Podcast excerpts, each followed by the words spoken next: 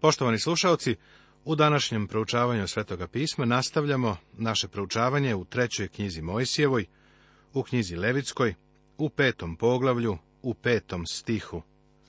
I govorimo o takozvanim olakim obećanjima. Mislim da je nepažljiv i drzak govor, i to kada se trudimo da od Boga zahtevamo odgovor na naše molitve. Uvek treba da mislimo na to da naše molitve treba da budu u skladu sa njegovom voljom. Bilo šta što tražimo i molimo se po njegovoj volji, on nas čuje. Odakle nam samo ideja da od Boga svašta možemo tražiti? Kriv je za jednu od tih stvari. Ovo se odnosi na četiri prethodno nabrane stvari. Još mnogi bi se mogle navesti. Kad bude kriv za koju od tih stvari neka prizna greh svoj. I neka dovede na žrtvu gospodu za greh, što je zgrešio. Žensko citne stoke, jagnje ili jare za greh. I sveštenik će ga očistiti od greha njegova. Ovde se po prvi put traži priznanje. Ostale žrtve su bile otvoreno priznavanje krivice. Ova žrtva se odnosi na tajne grehe. Bili su to sakriveni gresi, iako su bili i protiv Boga i protiv čoveka. Sećaš se kada je u knjizi Isusa Navina, u sedmom poglavlju, Ahan uzeo šipku zlata i vavilonski plašt. To je bio prestup sa kojim su morali da se razračunaju javno, jer je to bila takva vrsta greha. Polaganje ruku u drugim žrtvama bilo je javno i očigledno priznavanje krivice i greha.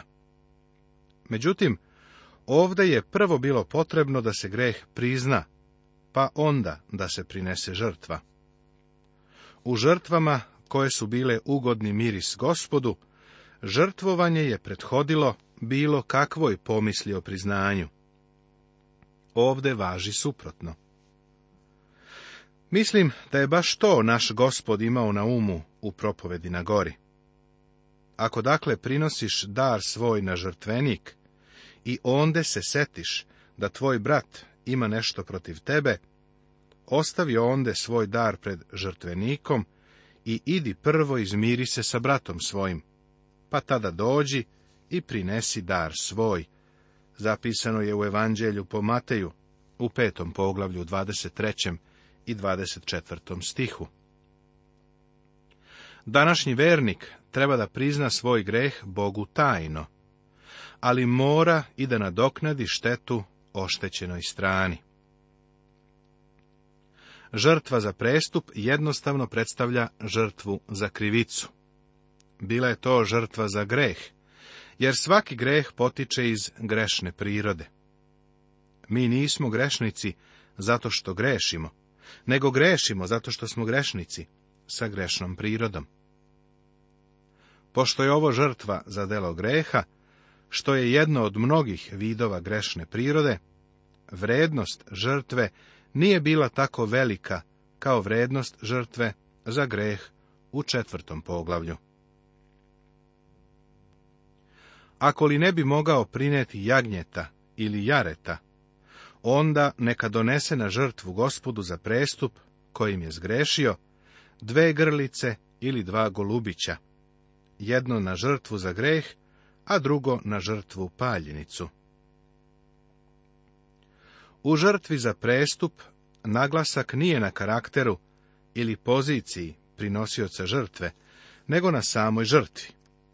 Tražile su se dve grlice, jedna je bila žrtva za greh, a druga žrtva paljenica.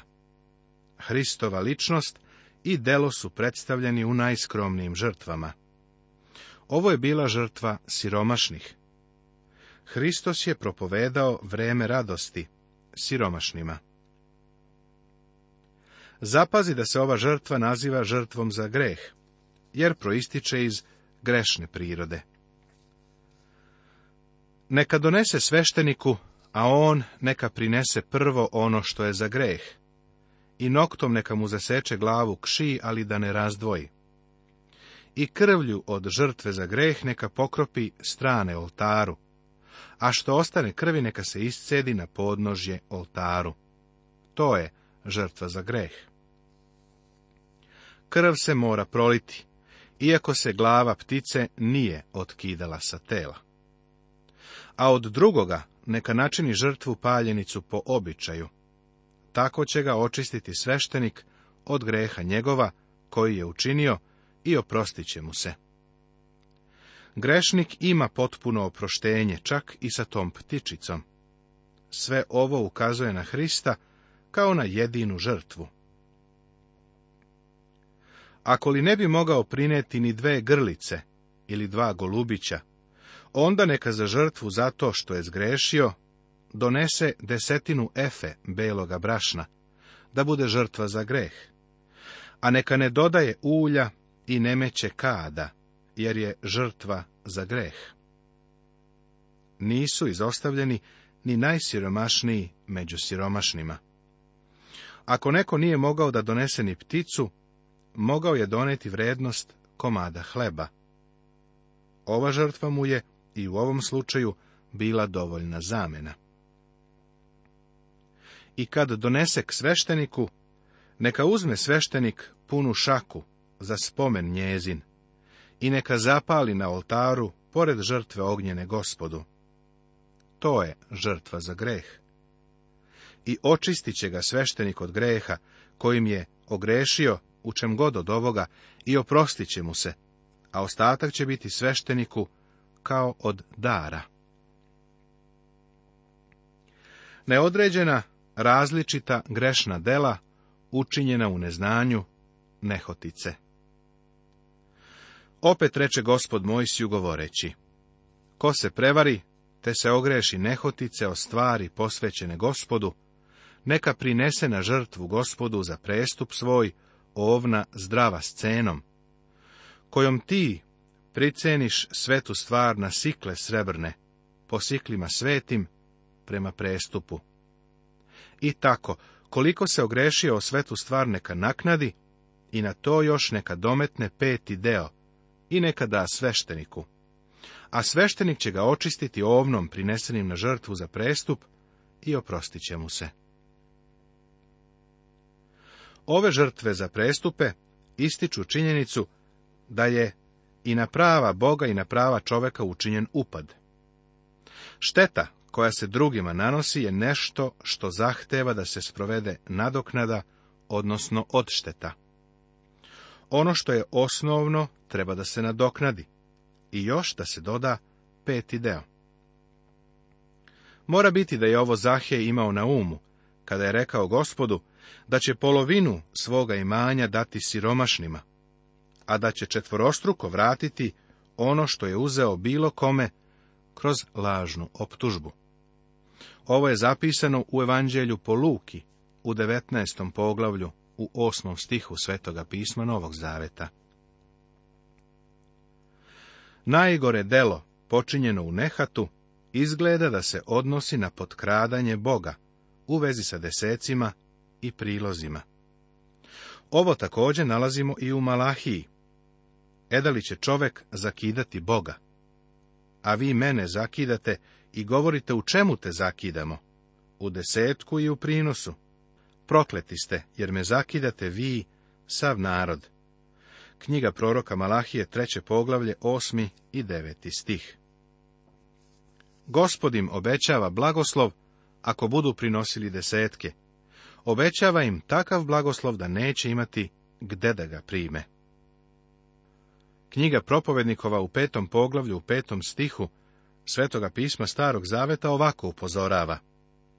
Bolje je da se ne zavetuješ, nego li da zavetuješ pa ne ispuniš. Za ovakvu vrstu neispunjavanja, za ovaj prestup protiv Boga, žrtva mora biti vredna. Mora biti ovan. Ovo nam ukazuje na dragocenog Hrista. Nego dragocenom krvlju Hrista, kao nevinog i čistog jagnjeta, kaže prva poslanice Petrova u prvom poglavlju, u 19. stihu.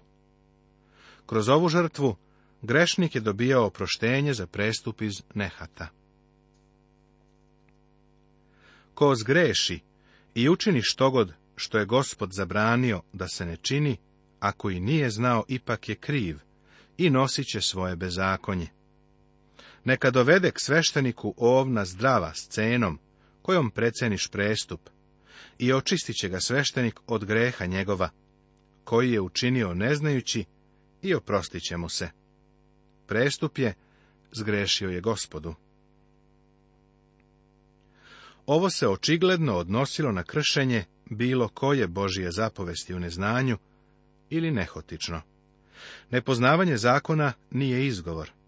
Ovo važi i danas za naš građanski zakon. Uprkos nedostatku znanja o zapovestima, prestupnik ili prekršilac je bio kriv i smatran je odgovornim. Ovde se ponovo prinosi ovan kao jedina životinja za žrtvu za prestup. Zakon za žrtvu za prestup razmatra se u poglavlju sedmom od prvog do desetog stiha. Ova žrtva u svom obredu je sledila primjer žrtve za greh osim u prskanju krvlju gde se pratio princip žrtve paljenice. Ovo ćemo detaljnije vidjeti u poglavlju sedmom. Poglavlje šesto Tema Zakon za žrtvu paljenicu, zahvalnu žrtvu i žrtvu za greh. Poglavlja šesto i sedmo nam predstavljaju zakon za žrtve.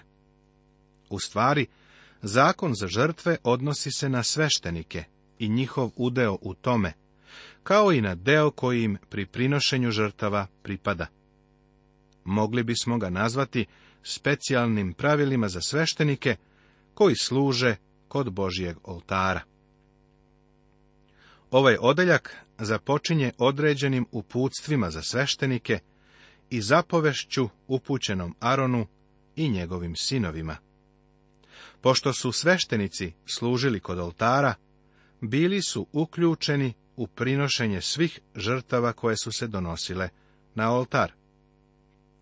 Sve ovo je samo senka nebeske realnosti, gde Hristos, naš veliki prvosveštenik, služi. Jer svaki prvosveštenik postavlja se da prinosi darove i žrtve. Stoga je potrebno da ovaj ima nešto što će prineti. Kad bi on, dakle, bio na zemlji, ne bi bio ni sveštenik, pošto tu ima sveštenika koji prinose darove po zakonu. Oni služe slici i senci nebeskih stvari, kao što je Mojsiju prorečeno, kada je trebalo da podigne skiniju. Gledaj, reče na ime, da načiniš sve po uzoru koji ti je prikazan na gori, kako je zapisano u poslanici jevrejima u osmom poglavlju, od trećeg do petog stiha Svetoga pisma Novog Zaveta. Ovde postoji još jedna upadljiva odlika. Hristos je ne samo sveštenik, nego je i žrtva. Sam sebe je predao na žrtvu. Zato, ulazeći u svet, govori Žrtava i prinosa nisi zaželeo, ali si mi telo pripravio. Žrtve koje se spaljuju i žrtve za greh nisu ti bile ugodne.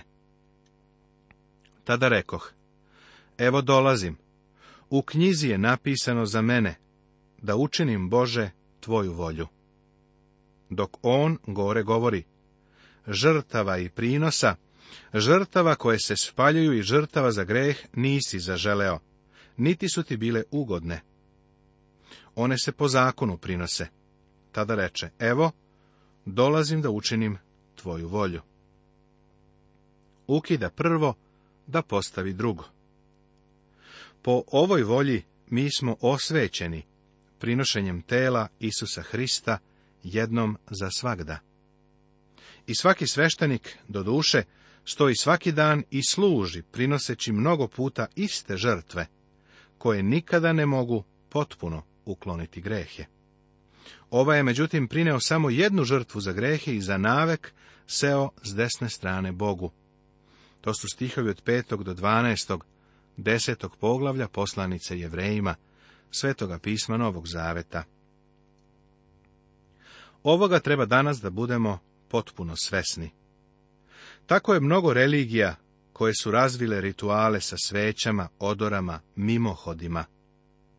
Mislim da u mnogim našim crkvama radimo mnoge stvari koje su bezvredne. Boga moramo slaviti u duhu i istini.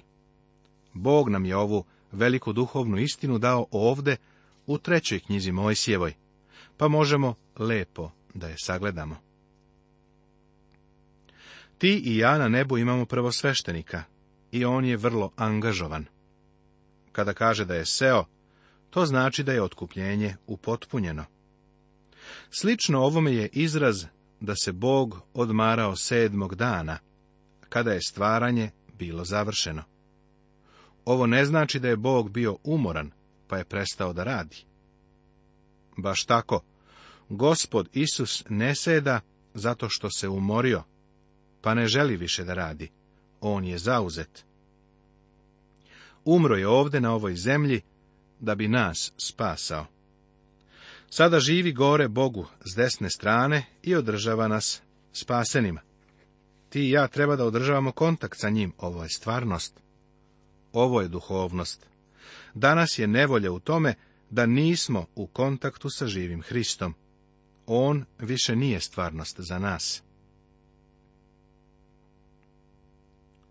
Najveći kompliment koji sam ikada čuo o jednom propovedniku bio je upućen onome koga sam ja nasledio u Nešvilu, u Tenesi, u Sjedinjenim državama.